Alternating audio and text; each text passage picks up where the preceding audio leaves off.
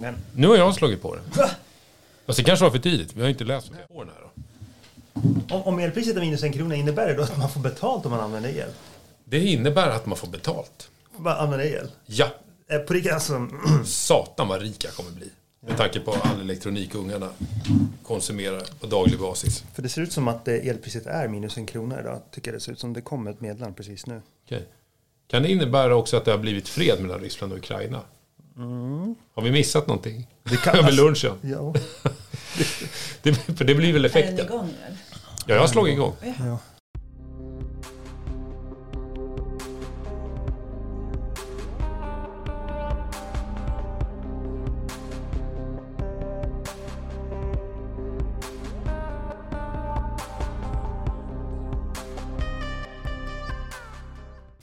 Ja, vi är igång.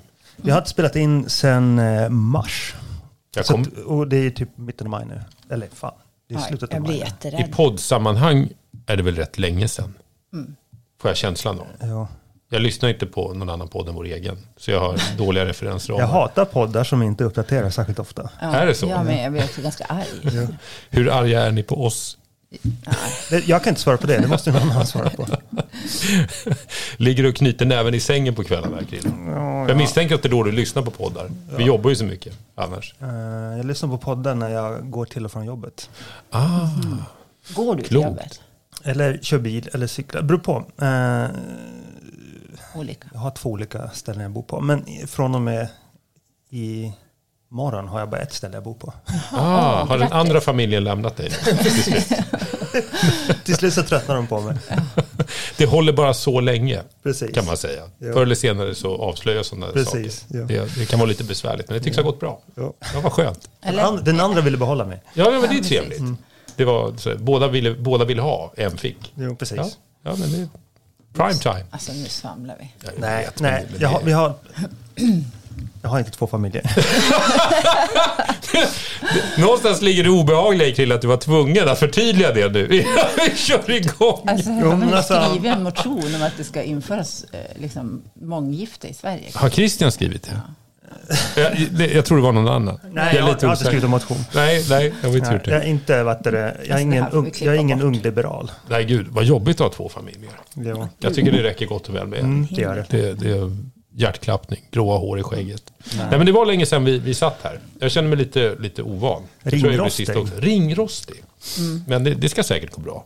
Ringrostning är väl ett eh, boxningsbegrepp? Och du är ju en boxare.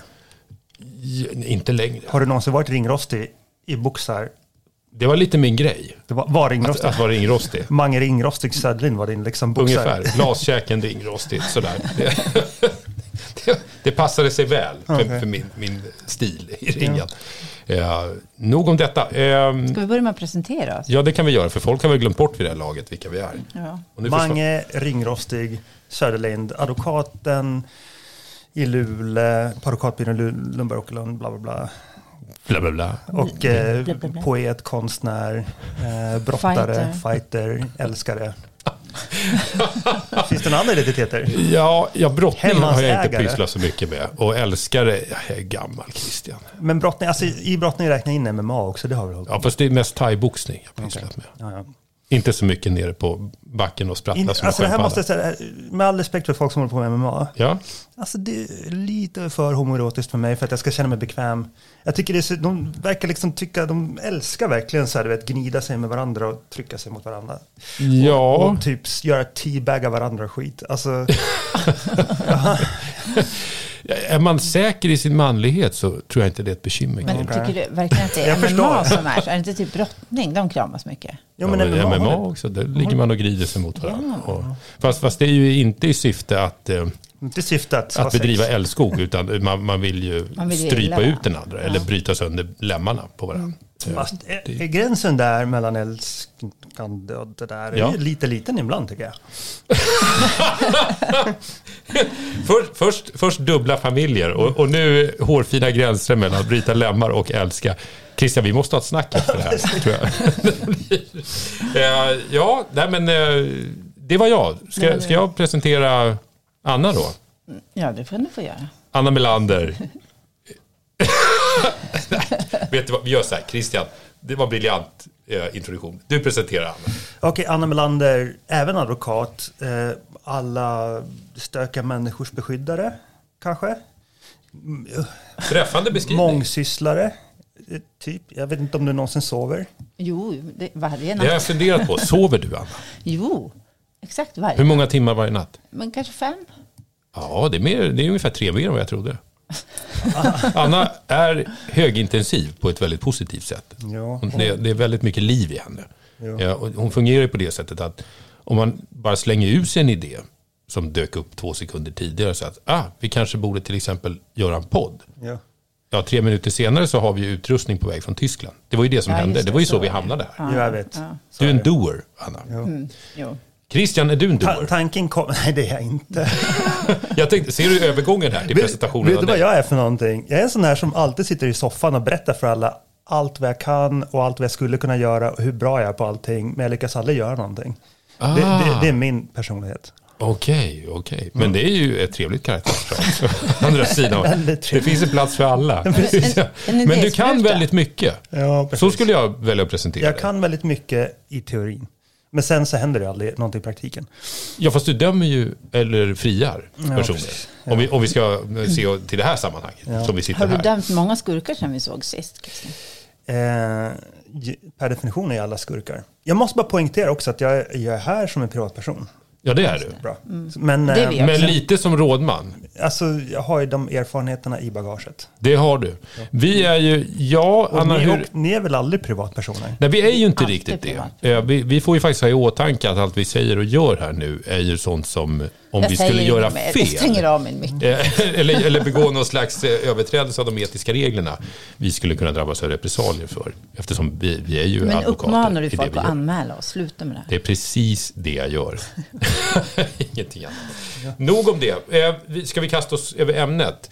Eh, vår vana trogen så har vi inte förberett oss sådär jättemycket Fast den här gången vi heller. Ja, fast- ja, nu, titt, nu tog ju Anna fram det här avgörandet. Vi har förberett oss för det här hela livet, upplever jag. Är det så? Ja. Allting har lett fram till den här punkten. Ja men absolut, det här är ju vad är det, juristlinjen 101. Det här är extremt basic. Allt vi har gjort varje dag sen giken har lett till den här punkten. Om man skippar samtliga föreläsningar under fyra och ett halvt år och bara lyssnar på vår podd, Ja. fixar man det tror du? Nej, men alltså jag menar som att eh, Men- det, det här är basic. En AI-robot fixar juristexamen nu. Gör de det? Ja. Ja, det, nej, det det jag förvånar mig inte. Jo, men jag tror det. Har du läst det? Ja, jag har läst. Alltså, jag har inte... Oh, jag har läst att den fixar det. På fria tider? Eller? Högskoleprovet. Högskola, ja. Ja, det, ja säkerligen. Ja, det kan jag tänka mig. Eh, Fast jag då, tror, ja, ja, Mm, okej, mm. eh, ämnet vi ska prata om idag. Anna, Nej, fråga inte mig. Vapenattrappen. vapenattrappen. Vill du beskriva det? Vad handlar det här den är om? så intressant är väl för att eh, hela internet verkar ha exploderat. Den här domen har kallats katastrofdomen mot organiserad brottslighet, tyckte jag lä- hörde på Oh. TV4. Man känner riktigt hur det sådär gungar i, i, de, de så att säga, säkerhetsgrundvalarna Så att- för svenskt polisiärt säkerhetsarbete. Nu är det fara. Ja, nu, men- nu, nu är det jättefarligt i samhället. Ja, men det är så man har beskrivit det. Och, och liksom alla, alla liksom tyckare som har massa synpunkter på rättsskipning som inte är jurister håller ju på att gå i, upp i limningarna. Jag, Okej. jag tycker det här, nu, nu bygger Vilket- vi upp spänningen kring det. men alltså, och det, det är ju det som är så roligt för att alla har gått upp i limningarna och tycker att det är så fruktansvärt. Ja. Men det kanske inte är s- nå- Men, men ska vi börja med, vad, vad, är det för, vad är det för mål det här? Jag Men- tycker Krille berättar, han är domare. Eller Ja, så kanske du kan. Eller så kan Nej, du. nej, men börja du. Men du är som en... men Jag fick en briljant idé precis. Börja du och, och berätta vad det handlar om. Okej. Briljant. Det handlar om följande. Det är ett fall som kom upp till HD. Eh, Det var väl i, i eh, april, så att den är ju relativt färsk. Eh, Och det som hände var att, ehm, alltså bakgrunden är följande. Det är alltså att ehm, polisen gjorde en husrannsakan i ett källarförråd. Och i källarförrådet så hittade de vapen. Eh, I domen står det att det var eh, två helautomatiska automatkarbiner och en pistol. Ja, I min fantasi så måste det röra sig om två stycken Kalashnikovs och en Glock. Tänker jag. jag har ingen aning, men vi säger att det är på det sättet. För att, Ja. för att det är så jag ser framför mig att liksom gangstrar rullar på något sätt. Ja, just det. Det är, det är inga M16 i alla fall, det är jag ganska säker på. Nej, nej, det tror inte jag heller. Nej, Det, det har jag inte sett sedan Denang. Nej precis. Skulle jag gissa på. Nej. Eller fiktivt återgivet Precis. när, det hände saker i Denang. Ja, Eh, det polisen gjorde var att de tog föremålen, eh, eh, vapnen, och sen så lämnar de en replika på plats enligt domen, vilket jag tycker var väldigt roligt att de tog de, de ville inte försöka fejka det särskilt bra uppenbarligen. nej, Eh, och sen så spanar de på den här platsen i fyra månader. Eh, och sen dök en snubbe upp eh, i sällskap med en annan snubbe. Eh, och hanterade det här vapenattrappen. Just det. Eh, och sen efter det så ingrep poliserna mot de här personerna i förrådet. Eh, och de här personerna blev sen åtalade. Ehm, den här personen som kom dit, kan man säga, han kom dit flera gånger då. Ehm, Ja. I domen kallas för JS. Ehm, han blev gripen och åtalad för försök till synnerligen grovt vapenbrott. Eh, och då var liksom åtalet att han försökte inneha eh, pistolen, automatkarbinerna och sen ammunitionen till de här vapnen. Eh, genom att han var där och hanterade attrappen. just det. Och då är poängen då att eh, i och med att han var där och hanterade trappen så visade han liksom då ett, ett liksom manifesterade han en avsikt att vilja hantera de riktiga vapnen helt enkelt. Så, eh, och då blev han, eh, nu ska vi se här, då blev han fälld för det. Eh, nej, han blev Friad i tingsrätt. Friad i tingsrätten, precis. Dömd i hovrätt. Dömd i hovrätten. Vad Och så det? gick det upp till HD. grovt vapenbrott eller? Synnerligen grovt vapenbrott. Just det. Och sen så gick det upp till högsta domstolen. Ja, Och högsta domstolen frikände den här eh, mannen då för försök till just grovt vapenbrott. Och det är det vi ska prata om. Hur, Precis. hur blev det så här? Precis. För det, är det det här då som, som eh, eh, internet kokar över? Precis. Alltså jag kan läsa, ska jag läsa För lite det- grann vad det står om det här? Mm, jag måste bara påpeka att det här är liksom så här, anledningen till varför alla är så upprörda över det här, det här är ju så här standardförfarande hos polisen. För att de, när de hittar farliga saker som knark och vapen och sådär, då kan de inte lämna det kvar. Nej. Utan det de gör är att de eh, tar ju det i beslag och sen så ersätter de det med någon typ av trappor eller någon typ av, här, om det är knark så kanske det är socker eller mjöl. Ja, just det. Och sen så hoppas de att någon kommer dit och börjar rota och sen kan man liksom fånga personen då. Mm. I, för ett försöksbrott. Jag tyckte du presenterade hyfsat spännande. Okej. Jag fick lite grann på det här spänningstemat Ja. vi kom in på. Har ni tänkt på grejen att nu för tiden, eh, vare sig, eh, det, är ju mest i film, Ja. nu, nu blir det ett jättestickspår så det här kanske vi får klippa bort Stickspår är bra. Ja, det är bra. Eh, sen 80-talet ungefär Ja. så har man ju helt slopat i film den här lite stämningshöjande bakgrundsmusiken i framförallt actionfilmer. Vill du ha det? Jag vill ha det. Nu eller? Jag vill ha det nu. En Vi, vi testar. Om, om, om du Christian. Egentligen lite kortfattat, tar precis, beskriv det här precis som du gjorde. Ja. Men vi testar lägga på ett skönt 80-tals Very spänningssoundtrack i bakgrunden. Är du redo? Nej men seriöst. Okej, då var det så här. Nej men jag kommer. Mm, då måste jag som ladda om igen. För att, Ja. Vänta. Ja, men sluta nu med Nej, det nej, här. nej, nej. Ja, men vi måste göra det. Nej, men vi kan... Mange, för fan. Okej. Eh, jo, det var...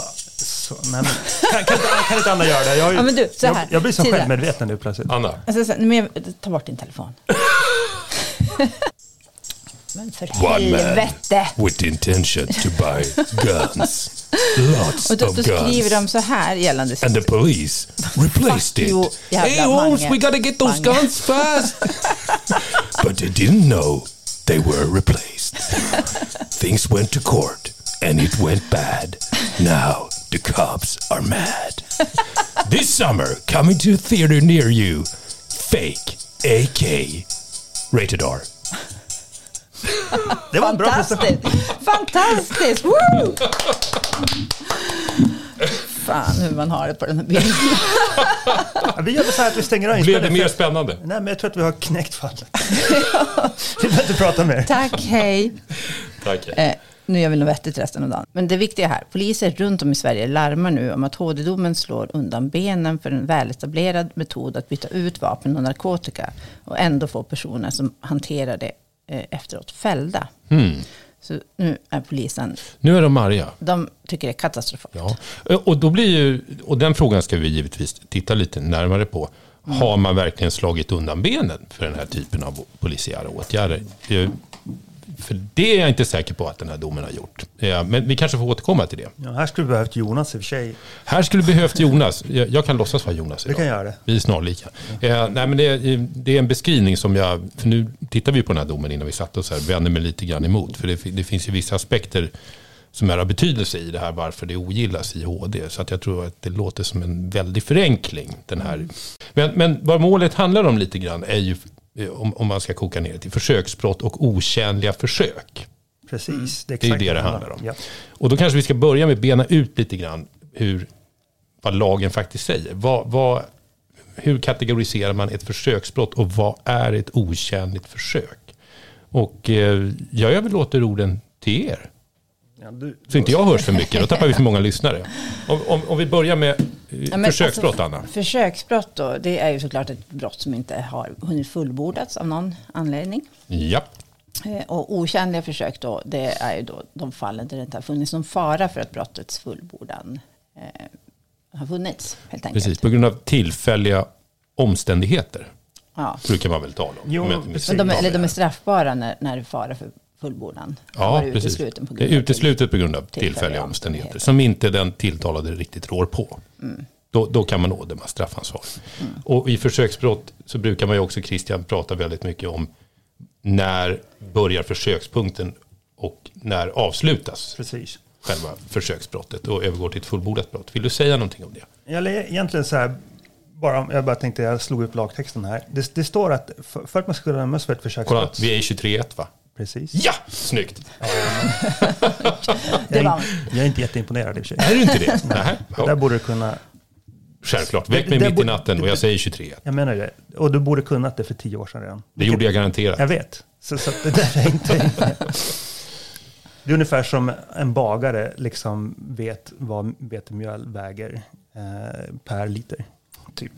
Det borde man Vet de det? Det måste de göra. Ja, det tror jag de gör. Okej. Ja, Eh. Okej, eh, det krävs att eh, det finns fara för att eh, handlingen ska leda till brottets fullbordan.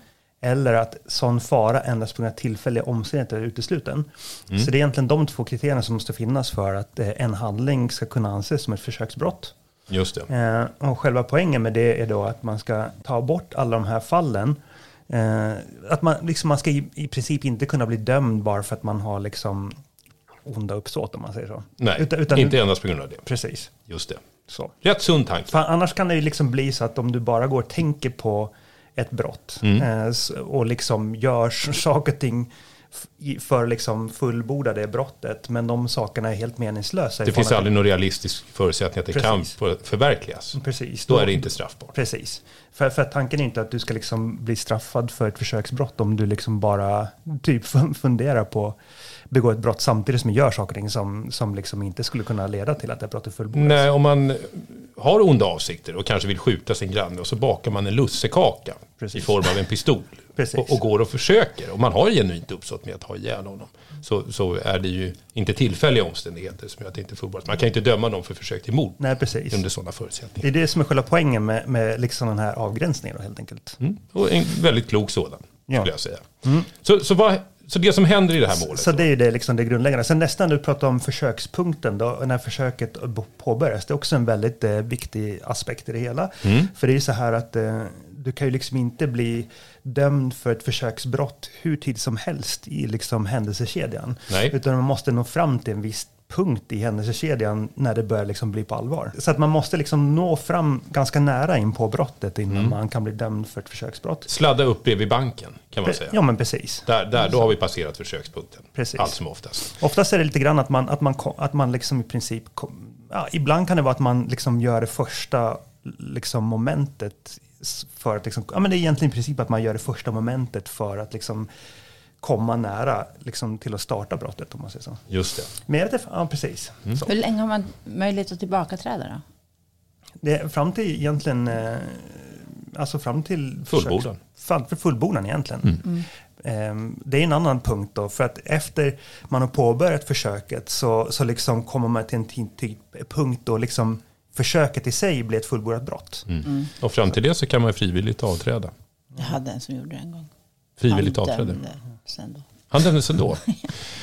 Så ser verkligheten ut ibland. Men, men, men om man då ska koka ner det här. Okej, en kille framför allt. Det var två stycken som åtalades. Eh, Polisen har hittat vapen, pickor och, och gevär i ett källarförråd. De spanar på det här, ligger med kikare och kameror i ett antal månader. Är det fyra månader? Fyra Alltså, månader. hade de kamera eller hade, var de där? Jag bara ser det framför mig. Trenchcoat, man ligger i en buske och tittar på det här. Eh, så går det förmodligen inte till. Eller så går det inte till. De har Men säkert funktionsbyxor och fleecetröjor. skulle gissa på det, snabba glasögon och terrängskor. Eh, men, men det här ligger man och tittar på. Vad sa du? Löv i håret. Löv i håret såklart. Eh, ingenting händer, fyra månader senare kommer de här och då är det attrapperna som har legat där i fyra månader. För tidsaspekten blir ju relevant för HD. Eh, och så griper man de här. Frias i hovrätten, nej förlåt, frias i tingsrätten, döms i hovrätten och HD frias. Och, och hur kommer man fram till att man inte ska kunna ådöma de här personerna ansvar då? Vad Ja, säger men- du Anna? Precis, jag säger som så nu, när, de, den här brottsplanen, att det, när den full, eller liksom när den tog form. form. I deras då- huvuden. Ja, När, precis. när, de liksom, när, de bör, när, när de i deras huvuden liksom formerar idén om att vi ska gå och hämta de här vapnen. precis. Då är det inga riktiga vapen på platsen. Alltså, Mm. Då är det attrapperna som ligger Eller så här, HD kan inte säga när deras brottsplan egentligen formades. Nej, Eh, Nej, just det. Nej, Och det har man kan en- inte säga att det... Och det har gått en lång tid när polisen spanat på det.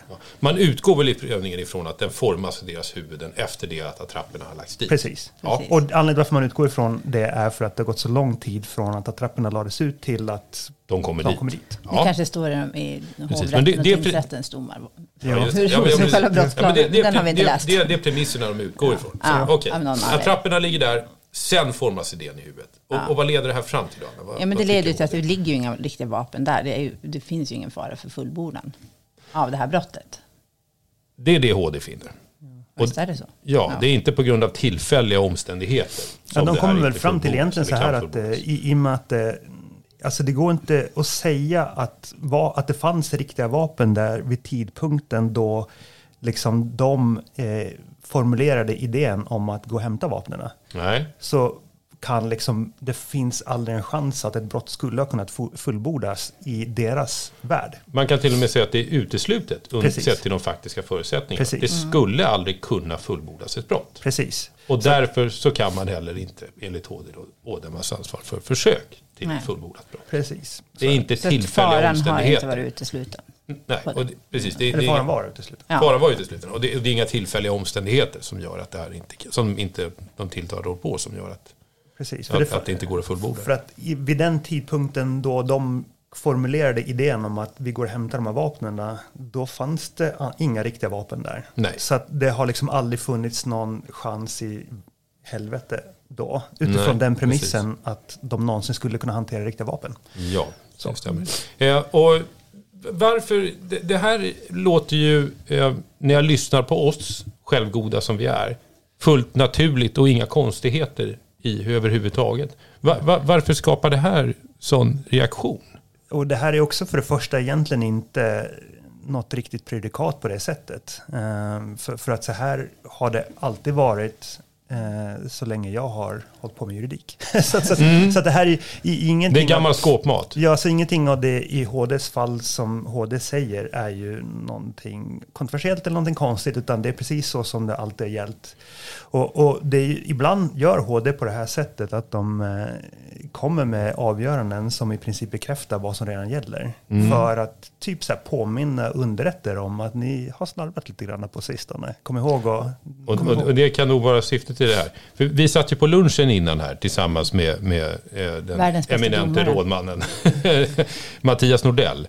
Eh, och, och pratade lite grann om dagens ämne. Mm. Eh, och det dryftades ju där då att det finns ju bland annat gamla RO-avgöranden som Borgek har skrivit rätt mycket om. Eh, som Diamanter. egentligen diamanter handlar om i det fallet som, som står helt i överensstämmelse med det HD nu kommer fram till och det är från 90-talet redan. Så att du har väl helt rätt i det du säger Christian att det här, det här är, det är inget nytt under solen på det sättet. Men uppenbarligen så har man ju sett behov av att ta upp det här från HDs sida. Och om jag tittar på de senaste åren här i Norrbotten till exempel, där vi är verksamma främst, eh, så har det ju avkunnats domar som går stick i stäv med det HD nu cementerar, som tidigare även gällde enligt dig Christian. Narkotika.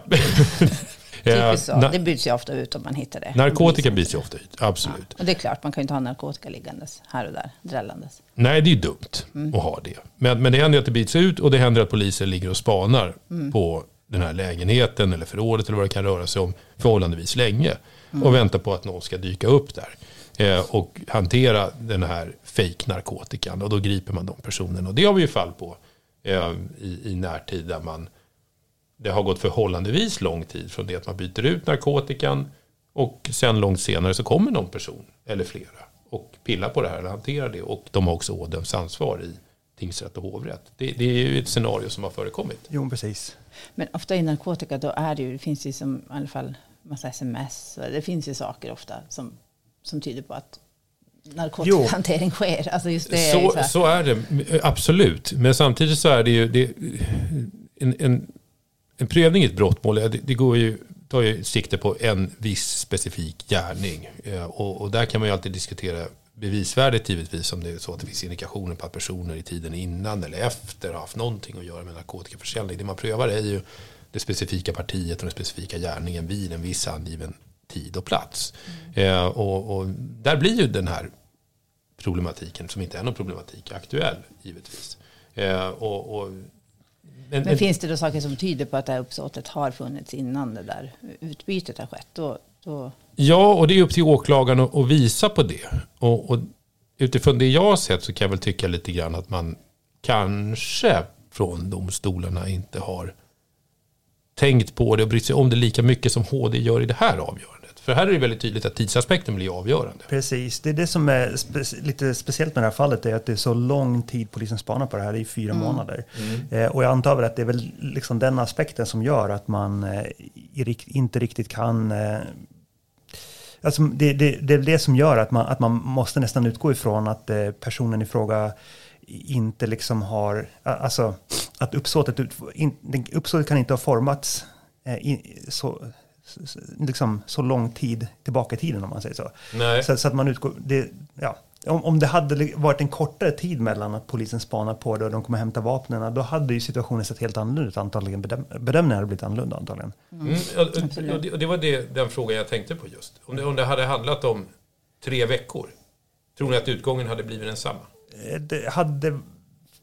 Det är svårt att säga, men för jag vet inte exakt. För det, ibland är också, den här typen av mål är ju de är svåra att generalisera också på det sättet att eh, ofta har ju i den här typen av mål så finns det utredning som Alltså I det här fallet verkar det enda utredningen som verkar finnas är ju att den som kopplar den här personen till eventuella vapen är ju att den här personen kom dit vid en viss tid, eller var där mm. då hanterade vapnen, men sen finns det liksom inget annat som kopplar. Nej. Som Anna nämnde så finns det i den här typen av mål oftast liksom utredning som pekar på att personen i fråga men DNA eller liksom det finns, fingeravtryck. Precis. Mm. Det finns fingeravtryck på knarkpaketet. Det finns liksom eh, sms-kommunikation på mm. liksom, eh, som visar på att när personen hanterar knark. Det kan finnas liksom, eh, masstömningar där man kan se liksom, hur personen rört sig vid viss tid mm. som kanske kopplar den här personen till, till den här platsen när man ser liksom, att personen har liksom haft intresse för den här platsen mycket tidigare. Och så just det. Ja, avlyssningar. Och, och, och, just det ni lyfter fram här gör ju att här den här reaktionen ni beskriver, det känns ju som att då har man ju gått, dragit igång på alldeles för höga växlar och dragit alldeles för långa slutsatser av prejudikatvärdet av det här målet. Ja. Eftersom det, det, det är ju... Kolla om det verkar komma andra att, domar efter det här målet. Ja, för det, det du läste upp, Anna, var ju ungefär som en reaktion att ja, men nu, nu, nu kan vi överhuvudtaget inte pyssla med den här typen av åtgärder längre. Men det är ju inte det HD säger. Nej. Det, det, det blir ju inte det blir inget allmänt stopp så att säga, för Nej. den typen av, av åtgärder. Utan det, det, jag menar, förutsättningarna i just det här individuella fallet är ju säregna då på det sättet. Utan att vi kanske kan utredningen i detalj. Ja. Men, men att eh, det, det, så, det saknas utredning. Det var något annat som hade blivit ogillat också. Jag, mm. jag yrar iväg helt enkelt. det händer ofta. Det händer ibland. Eh. Men alltså, jag, jag tror att det, det som kan här, som provocerande från polisens sida är väl att de är ju, tror jag om jag förstår det rätt, skyldiga att eh, inte lämna vapnet där eller knarket där, utan de måste byta ut det. Så jag, jag tror att eh, om de skulle lämna liksom vapnet i originalskick där eller, eller narkotikan mm. så, så tror jag att de i sina fall, eh, skulle liksom kunna få någon typ av synpunkter från andra hållet istället. Att de liksom har eh, så här, riskerat, alltså att det blir någon slags Ja, framförallt om det gäller vapen, livsfarliga vapen. Det, det kan jag tänka mig. Men, men eh, Men, det, men inte att det skulle bli en brottsprovokation egentligen. Nej, men jag tänker att eh, om JO har några synpunkter mot det, att de lämnar liksom vapen och knark. Eh, för där fin- det finns ju en påtaglig risk att det drar iväg sen och sen tappar man kollen på det. Då, då om, det hade hänt, då Mm. sitter ju polisen jävligt kört till. Så att jag tror att det, det är väl det som jag tror frustrerar polisen, att man å ena sidan måste liksom lämna replikor och eh, typ fake-knark där. Men å andra sidan så kommer HD då vilket i och för sig är korrekt, men då kommer det säga att det här kanske liksom, det inte går att döma någon i en situation. Så, så när man läser domen bara sådär utan att veta liksom, Mm. juridiken kring det med, med noggrant så kan man bli väldigt frustrerad och tycka att liksom, de pressar från båda hållen. Ja, jag förstår vad du menar. Och just vad gäller vapen kan jag tänka mig att där, där eh, skulle ju, eller det, finns, förutsättningen är väl sån att där, där kan jag tänka mig att de ligger längre i väntan på att någon ska komma och hantera dem där. Jag tror inte samma problematik egentligen uppstår när det handlar om narkotika. Där, där är det nog mer förväntat att från det att det avlämnas på en viss plats så går det kortare tid oftast innan någon hanterar det eller plockar upp det eller gör någonting med det. Jo, det, Ja, det ligger i objektets natur jo. som det så fint heter. Så framförallt vad gäller vapenbrott kanske, så, eller synnerligen grovt vapenbrott som i det här fallet, så, så skulle den här typen av scenarier eller situationer kunna uppstå. Eh, men men ja, jag vet inte vad jag ska säga, jag tycker inte det här är märkligt på något sätt. Eller, eller, jag tycker inte det sticker i ögonen Södertörn? heller för den delen. Det, det är väl rätt logiskt, klokt och redan etablerat rättsligt resonemang. Jo, och sen så har man ju också utlovat eh, lagändringar och det skulle snabbutredas, säger justitieministern. Ja, han är väldigt mycket för snabbutredningar och lagändringar så fort någonting eh, sticker i ögonen på Jo. högerdelen av, av samhället. Men, men jag, sitter så här, jag sitter lite så här i mitt stilla sinne och funderar på hur ska man kunna förändra det här? Alltså hur ska man kunna eh, liksom hi- hitta en lagstiftning som inte liksom skulle kunna orsaka situationen att folk som försöker mörda andra med lussekattepistoler inte blir dömda för försök till mord. Mm. Typ. Det är en väldigt bra fråga. Jag har inget svar. Eller om man köper knark som inte är knark. Precis. Mm. Då kan man ju inte dömas för det. Såklart. Nej. Jo, men, men tänk, tänk så här, för jag hade, jag hade nämligen en kompis som, eh, eh, som var på någon Finlandsfärja en gång. Eh, och han hade med sig en Ipren för att han hade ont i hu- huvudet. Mm. Och skulle äta Iprenen. Och han gjorde det i baren. Och när han höll på liksom tog fram tabletten så var det någon snubbe som kom fram till honom och frågade honom så här, typ, hur mycket, mycket tar du för den här tabletten, får jag köpa den? Och då bara, ja men du får den för en 100 spänn. Och så sålde han det till en Ipren-tablett till en kille för 100 spänn. Eh, och vad heter det, Bra business. och jag menar, hur, hur, ska liksom hur ska liksom inte den här killen då, han köpte Ipren-tabletten i tron att han köpte knark då? Mm. Hur ska han inte, hur, hur ska man kunna skydda honom från att inte bli dömd för narkotikabrott då? Bör vi skydda honom? Det blir väl fråga ett, Christian. för, för, Jag tycker det är sex månader för- här. för grejen. Ja, ja, ja. för grejen att det- Tidavtalet. Jag menar, det, är ganska givet att i den här lokalen han sålde den här Ipren-tabletten, i den lokalen har man ju hanterat narkotika flera gånger sedan tidigare. Mm. Så, att, så att det blir samma situation. I en lokal där man tidigare har hanterat mycket narkotika Mm. köper han en tablett som han tycker sig vara var narkotika och han uppfattar det som narkotika, sen köper han det.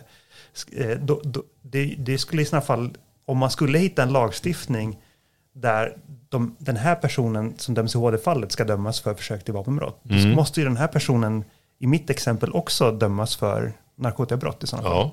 Och det vill vi undvika. För, för att det är ju samma, det är samma liksom faktiska förutsättningar i det fallet. Mm. I HD-fallet var det ett rum där man tidigare hanterat vapen, men när han liksom vill hantera vapnet, då finns det inget vapen där längre. Nej. Och i mitt exempel så är det ett rum där man hanterat narkotika, och, men när han vill köpa narkotikan så finns det liksom Då finns det Ipren. Precis. Mm, och då är det så här frågan, så här, hur ska man kunna hitta lagstiftning som tillgodoser intresset att inte döma den här? Men du kanske tycker att det är okej att döma en person för narkotika? Nej, det tycker jag inte. Det ska jag vara väldigt tydlig med.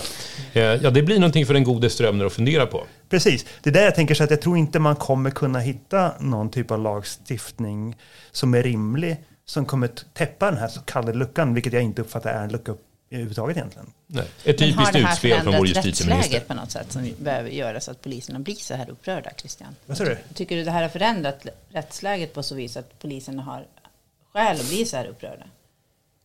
Nej, men alltså, de är väl alltid upprörda nu för tiden tycker jag, men det har de ju god all rätt att vara också. För att det ser, Har de det? Ja, men jag hade varit frustrerad om jag varit polis, för att det känns som att eh, de kläms ju från alla håll och kanter och får ju ganska dåliga förutsättningar att göra sitt jobb.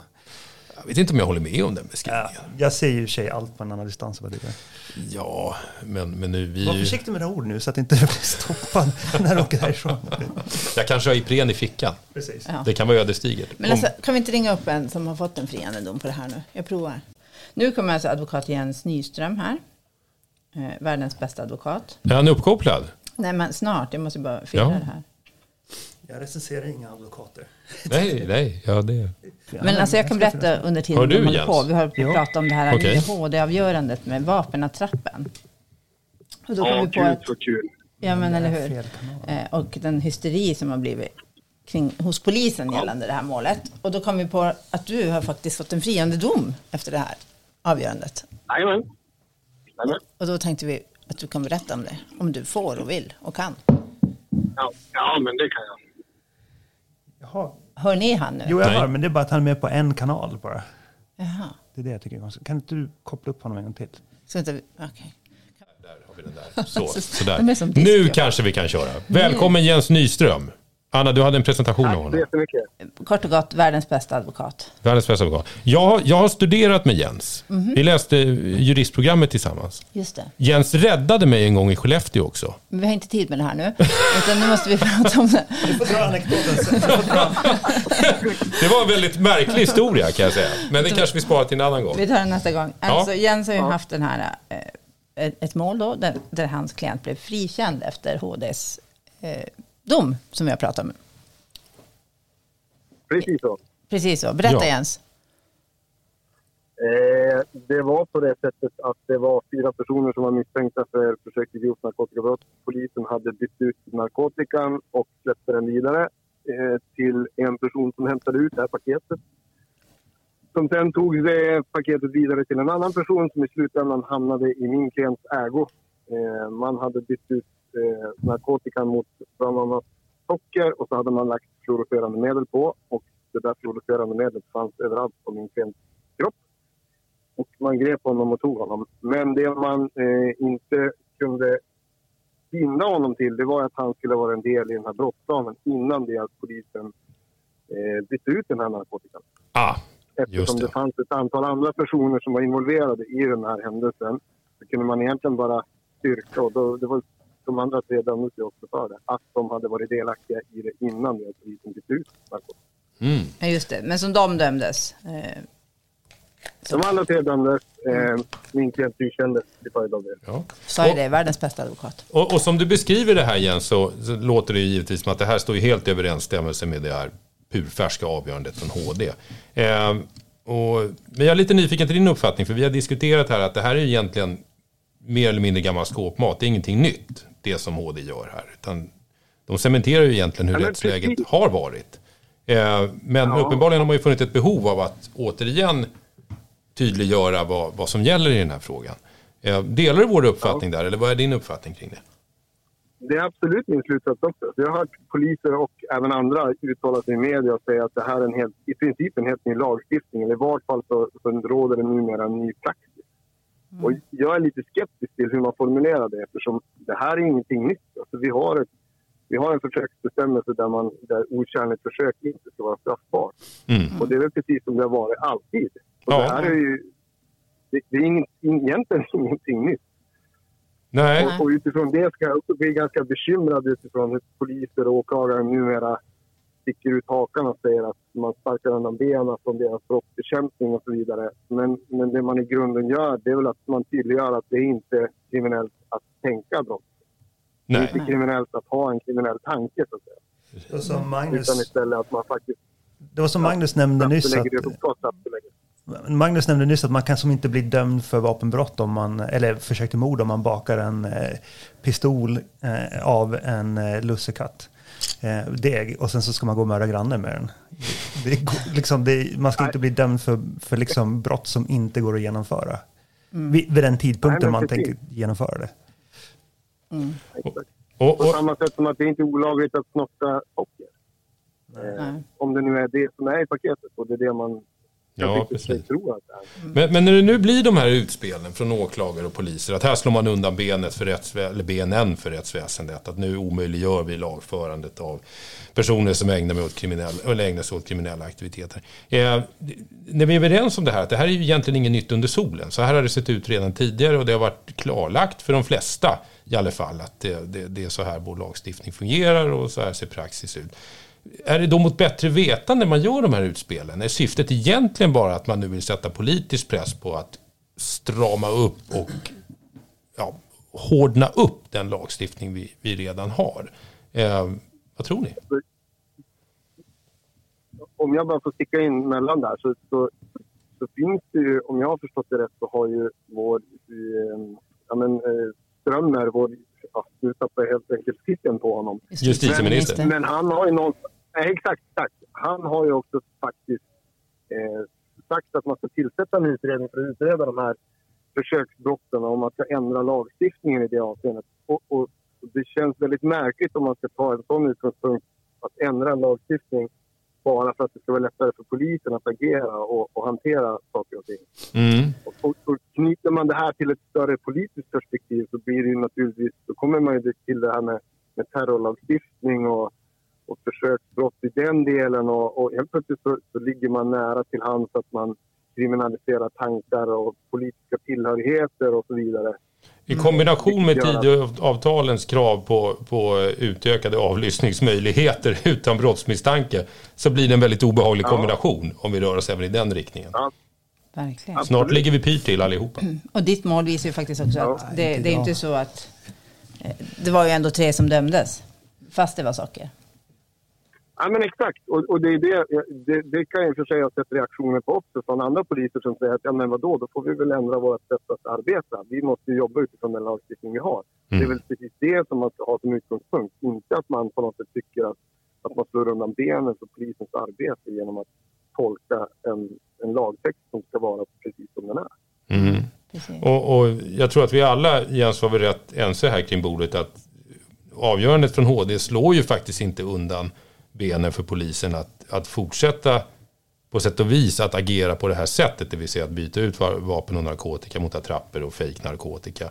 Utan det, tidsaspekten blir ju viktig här. Det, det är inte så att det omöjliggör ett arbete med den här typen av metoder på något sätt. Och vilket, att det ändå ska kunna leda till lagföring. Nej, så att det, det är ju en felaktig och överdriven reaktion från deras sida. Ja, absolut. Sen tror jag, har jag fått indikationer på i alla fall, att man från, från riksåklagarhåll ändå vidhåller att polisen ska fortsätta sitt arbete på det här sättet. Nämligen att man byter ut narkotika, man byter ut vapen just för att säkerställa att det inte kommer ut bland allmänheten. Och, och det är väl en fullt rimlig utgångspunkt. Absolut. Ja, Eh, absolut. sen, om, sen om det blir svårare att, att lagföra människor till följd av det, det är inte alldeles säkert att det är så. Nej, Nej jag håller med. så. kanske jobba lite hårdare. Ja, men din klient, det kan inte ha funnits någon bevisning för att han, han kände till det här innan. Eller att han var delaktig i den. just- ja. ja, just, just i vårt avgörande fanns det också omständigheter som, som i stor utsträckning tydde på att det här var så att säga inte en plan A och inte en plan B utan han blev en plan C. Ja. Eh, Just det. för att man hade svårigheter att hitta andra personer som kunde ta emot den här narkotikan. Då är det ju då är det ju fullt rimligt att man inte ska döma eh, när alla omständigheter tyder på att man inte varit del i brottsplanen innan. Absolut. Tror du åklagaren överklagar? Vet du det? Det, det, har det tiden tror jag faktiskt ut? inte kommer att ske. Nej. Nej, Det har vore, det vore ju rätt att märkligt det att om de gjorde det. Sett se till Mm. ändå det här färska avgörandet så, så borde Men jag det... tänker när man väcker åtal ändå. Ja, jo, i och för sig. Jo, men det ska sägas också att, att det, här var, det här är ju så pass nytt avgörande. Även om det väcktes åtal. Alltså de häktades innan det att det här avgörandet kom från Högsta domstolen. Mm. Eh, Så utgångspunkten fanns nog kanske inte riktigt helt i, i åklagarens tanke om att man skulle kunna tillämpa det här avgörandet. Sen kom ju det och så blev det mycket snack om det. Och då, då, hade man ju så att säga redan en utredning som fanns vid den tidpunkten. Ja. Nej, men det är ju rimligt att han blev häktad och att han utreder saken. Det, så är det. Så är det. Ja, ja, visst. Ska vi, ska vi sammanfatta det här? Du har inte varit med från början Jens, där, men, men det, det känns som att hela den, här, hela den här diskussionen vi har haft nu har präglats av en ganska nästan, jag på att säga, avslagen samstämmighet, ungefär ett ryck på axlarna. Att, vad, vad är det för konstigt Eller tvärtom, jag tycker som att eh, jag har haft en liksom så här lite surrealistisk känsla hela tiden. Ja, Alltså som att, eh, typ, varför pratar vi om det här egentligen? Alltså så här, du vet, jag vet att vi pratar om det här för att det är liksom ett väldigt omtalat rättsfall och det, är många, det väcker många känslor. Men samtidigt så känner jag så här, men, men liksom, Det här känns ju som det bara stressar upp allmänheten. ja men vad är grejen egentligen, tänker jag så här. Det, det här är ju... Det, det, Nej, jag förstår inte varför vi sitter här. jo, det, menar, Det här det absolut sämsta avsnittet. nej, men det är för att skapa content vi sitter här. Men, men, och poängen med content... entertainment. Precis. Så det- Alltså vi ska på heter entertainment på lördag Jens. Är du laddad? Ja, ja jag är laddad. Men många- nu är jag en minut sen till Oj, ja, men du, Vi- kör hårt vi- du. Vi vi ses på lördag. Vi ses på lördag. Tack för din medverkan Jens. Ha det Tack, bra. Hej. Tack, hej. Hej, hej. Jaha, ska vi, nu, nu försvann Jens där. Ska, ska vi wrap it up också kanske? Eh, Jag vet inte hur, hur länge vi har pratat. Men, ja, alltså, men, vi, typ, vi Det har ju... väldigt svårt att få ihop något vettigt. Nej, men jag tyckte det var... Alltså, ni, ni, unders så- ni det, underskattar... det, är upp, det är upp till våra lyssnare att avgöra det här. Nej, men jag tycker också att ni underskattar... Eh, em- eller så, här, ni underskattar innehållet nu. För att poäng, poängen är ju att vi, vi har gjort en podd... Det är ju som Seinfeld-avsnitt förresten. Ja. Vi, vi har gjort ett podd om ingenting. så, och för att vi uppfattar ju det här HD-fallet som egentligen ingenting om man ska sammanfatta det. Alltså det här är... Det HD har gjort i praktiken, de, de säger att eh, lagstiftningen har sett ut på det här sättet sedan, eh, sedan 1948 tyckte de skrev i, i, Ja.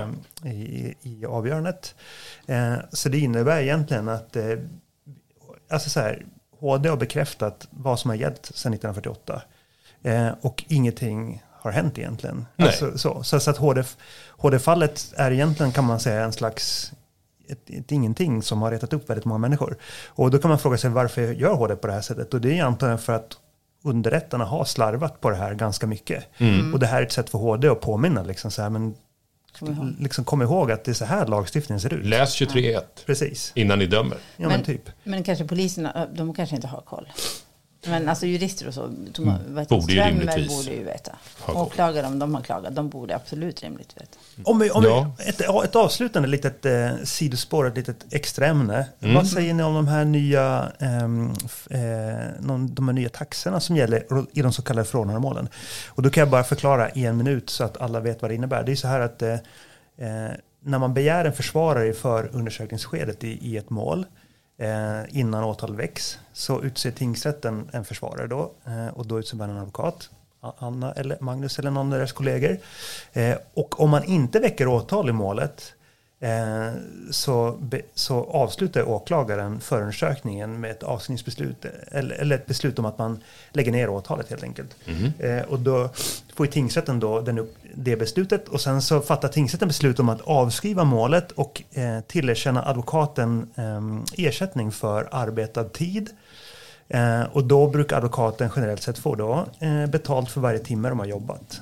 Så, så att eh, om, om, om man eh, tänker sig att man inleder en förundersökning, det leder ingenstans men advokaten har gjort, jobbat 12 timmar, då får advokaten 12 timmars betalt för sitt arbete och sen lägger man ner allting. Eh, nu så har det kommit eh, ett, en eh, taxa som innebär att man får inte betalt för varje timme man jobbar utan man får en klumpsumma eh, som baserar sig på hur många minuter man har suttit på polisförhör. Och den här eh, klumpsumman då ska täcka allt arbete man har gjort. Eh, och då, då är poängen då att ibland, i alla fall det, det som man säger från Domstolsverkets sida som har kommit på det här, då, då är poängen då att ibland så vinner man på det och ibland förlorar man på det. Ibland så, i och med att man får en schablon, ibland blir det så att man får betalt mer än man har lagt ner egentligen och ibland får man betalt mindre i tanken då. Men så, eh, och det här har ju retat upp då advokater. Ja, och det där är så dumt motiverat att man kommer osökt att tänka på Arne Anka. Ibland undrar man om man lever i ett land eller ett skämt. Som i början på 80-talet.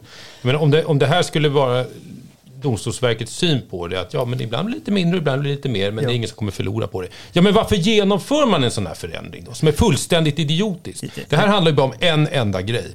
Man vill slå undan benen på den enskildes rätt till ett försvar. Vi lever i sådana tider. Man försöker steg för steg underminera advokatens roll och den enskildes rätt till ett fullgott försvar. För det är precis det det handlar om. Och jag är helt övertygad om att det är den bakomliggande tanken från det vi i det här fallet, eller från politiskt håll, varför man vill genomföra det här. För så här är det, när vi sätter oss i rättssalen, jag och Anna, eh, då är det så mycket vi kan göra. Alltså, nu det blir en direkt engelsk översättning, so much you can do. Det, det, är oftast inte i rättssalen vi, om man ska använda uttryck som vinner, men där vi ser till att en klient i slutändan inte lagförs. Det arbetet sker under förundersökningen genom att vi är aktiva med olika utredningsåtgärder, vi är aktiva i kontakten med utredarna och effektiviserar förhören. Att ett förhör då, om vi ska få taxa utifrån längden på förhöret, tar kortare tid. Ja, det kan ju delvis bero på överläggningar med klienten och förberedelsen på det här är det som är relevant, det här är det som är intressant. Det är det vi ska förhålla oss till, inte massa utsvävningar vid sidan om. Eh, vilket då skulle leda till effekten att skiter vi och gör vårt grundläggande förarbete inför ett förhör, ja, då får vi mer pengar. Till skillnad från om vi faktiskt preppar klienten, som vi ska göra som advokater inför det här förhöret. Då får vi mindre pengar. Det här är ju vansinne. Ja, alltså vissa mål så är det ju, man lägger knappt någon tid på dem innan de kanske bara läggs ner.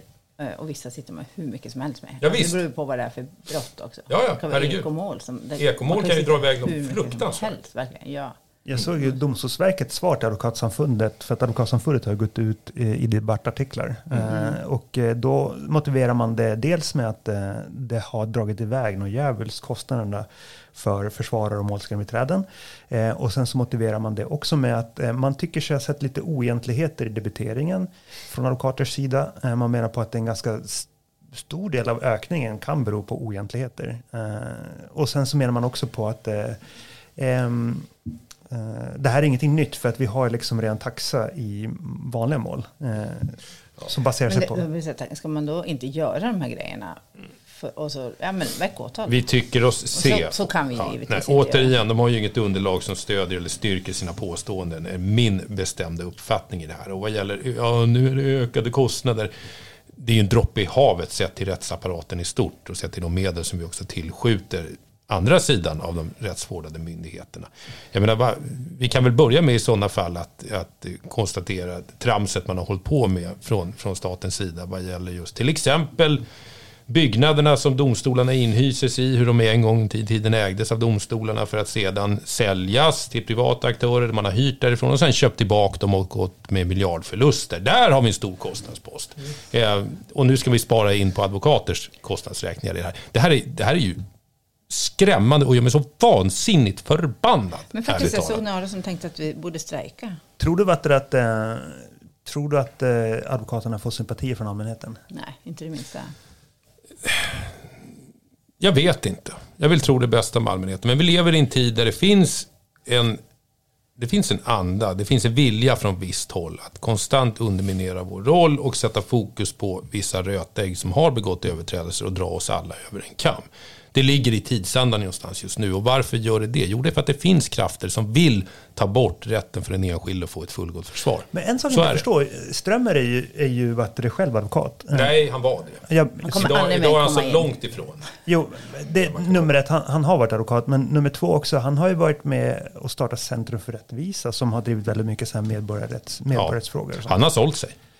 Jag, jag tänker inte säga någonting om Nej, det. men Jag det är min bestämda uppfattning. Okej. Jag har tappat respekten för karln. Ja, men det har jag också gjort. Absolut. jag, Men jag har fortfarande förtroende för honom. nej, det har du inte. Det är bara för att det är inspelningen på. Ja. Det har inte jag. Och det har står jag för. Nej. Jag har inte sett någonting än, det är väl det. Alltså för att eh, de har bara hunnit i ett halvår och jag har inte sett något praktiskt mer. Så de har inte, det, här, eh, det här taxan är ju Domstolsverket som ligger bakom det. Mm. Och så, faktiskt. Ja, men tänk om det skulle bli så att alla försvarsadvokater strejkar. Alltså, fast grejen Ja, det är på förslag. det finns ju som inte någon som helst... Men alltså problemet är med att... att det inte eh, finns så mycket sympatier för, för kriminella så, så finns det inte mycket sympatier för att vi ska få betalt för vårt arbete heller. Det för, Problemet med alltså, bland advokatsamf- allmänheten. Problemet med Advokatsamfundet är att de funkar som eh, 7-Eleven. Alltså, alltså på riktigt. Alltså 7-Eleven funkar på det här sättet att eh, de tillåter en 7-Eleven butik att etablera sig var som helst i stan. Eh, även typ så här 20 meter ifrån en till annan 7-Eleven butik. Och tanken är att eh, då ska de här två så här konkurrera mot varandra. Eh, 7-Elevens franchisegivaren vinner ju alltid. Eh, de skiter ju om den enskilda butiken går i konkurs för att de får ju sina franchisingavgifter alldeles oavsett. Eh, ju fler butiker desto bättre för franchisegivarna. Det, det är liksom deras, har varit deras liksom affärsidé. Eh, alltså, de, de, samfundet funkar lite på samma sätt tycker jag. Att eh, de verkar skita fullständigt i om det finns hundra advokater i en stad och de liksom konkurrerar ut varandra. Eh, eh, de verkar liksom inte ha något intresse av att på något sätt eh, begränsa antalet advokater på ett sånt sätt att, ni, att det inte kan obligera på varandra. Det här innebär ju att jag är lite osäker på om, om det kan gå i, i, i strejk. För att det kommer alltid finnas någon underifrån som tycker att nu blir det läge för mig att liksom plocka marknadsandelar. Och så kan det säkert bli. Det, det är inte oundvikligt. Sen är det inte samfundets grej att gå in och reglera och styra marknaden på det sättet. De har Det inte borde den. vara det tycker jag. Nej, tycker inte jag. De har inte den funktionen och den rollen. Möjlighet till det, men, men ja, vi har det bra här uppe ändå. Det är Ja. inte så mycket Vad kul att vi fick puls här på slutet. Bra ämnesval Christian. Nu sitter jag och kokar av ilska. Jag hade glömt bort det där över den här tror- ossobukon jag åt borta på restaurangen. Men tror ni att, att någon bryr sig den här protestlistan som de har skickat in då? Eh, samfundet eller? Ja. Har, har ni har, Jag skriver under. Flera tusen. flera tusen? Men, Mm. till, men vart har ni skickat den till DV eller till justitie? Det säga, eller? Jag hoppas att den skickas i lika många exemplar som folk har skrivit under, eller advokater har skrivit under, till Gunnar. Ni, ni vet att, eh, Hans privata ni, ni vet brevlåda. att domarna har skrivit en arg lapp till Gunnar också. Har de gjort det? det? Jo, för att eh, man är arg över löneutvecklingen eh, och arbetssituationen på domstolarna. Man tycker att arbetssituationen är alldeles för stressig och man upplever att liksom yrket börjar tappa i attraktivitet. Mhm. Eh, och det liksom är, är inte så många kvalificerade sökande längre. Eh, och liksom yrkesstoltheten urholkas. Och man är arg över DIBA. Eh, och man är arg över massa olika saker. Okej. Så, så det cirkulerar en... eh, Ni är inte helt nöjda heller. Helt. Nej, så det, det, cirkulerar ett, en arg, ett argt brev som man uppmanar alla domare att skriva under som man skickar till Jag tror det är dags för Gunnar att komma hit till den här podden. Ja, men det är du som har Om du kontakter. lyssnar Gunnar, så är du varmt välkommen nästa gång vi spelar in. Det dröjer ofta ett Nej, tag, för alltså, vi, för vi jobbar. Gunnar var ju faktiskt på, på advokatdagarna, där jag och Magnus var. Och då, Ja. då uppmanade han oss att eh, eh, säga ifrån, protestera. Mm. Men jag tror inte Gunnar Strömner är en ond människa. Alla människor är liksom fångna i en, en maskin. Och, och liksom en människa kan inte göra någon skillnad oavsett om man är minister eller inte. Tidsandan styr oss alla. Du har sett för lite trailers till amerikanska actionfilmer med ett schysst soundtrack i bakgrunden som alltid börjar med One man. Ja, precis. Så att jag, jag köper inte det där. Vi kan alla göra skillnad. Nej, jag tror faktiskt inte det. Men hur som helst, ah, det verkar koka överallt. Advokatsamfundet skickar arga lappar till justitieministern. Domarna skickar arga lappar till justitieministern. Så det finns säkert något sånt bland åklagarna också. Vi lever i en kokande tid. Uppenbarligen. Tack för idag kära lyssnare med betoning på singular. Eller har vi fler? Jag tror att vi har någon i alla fall. Någon till. Ja. Vi ses snart. Vi syns. Arrivederci.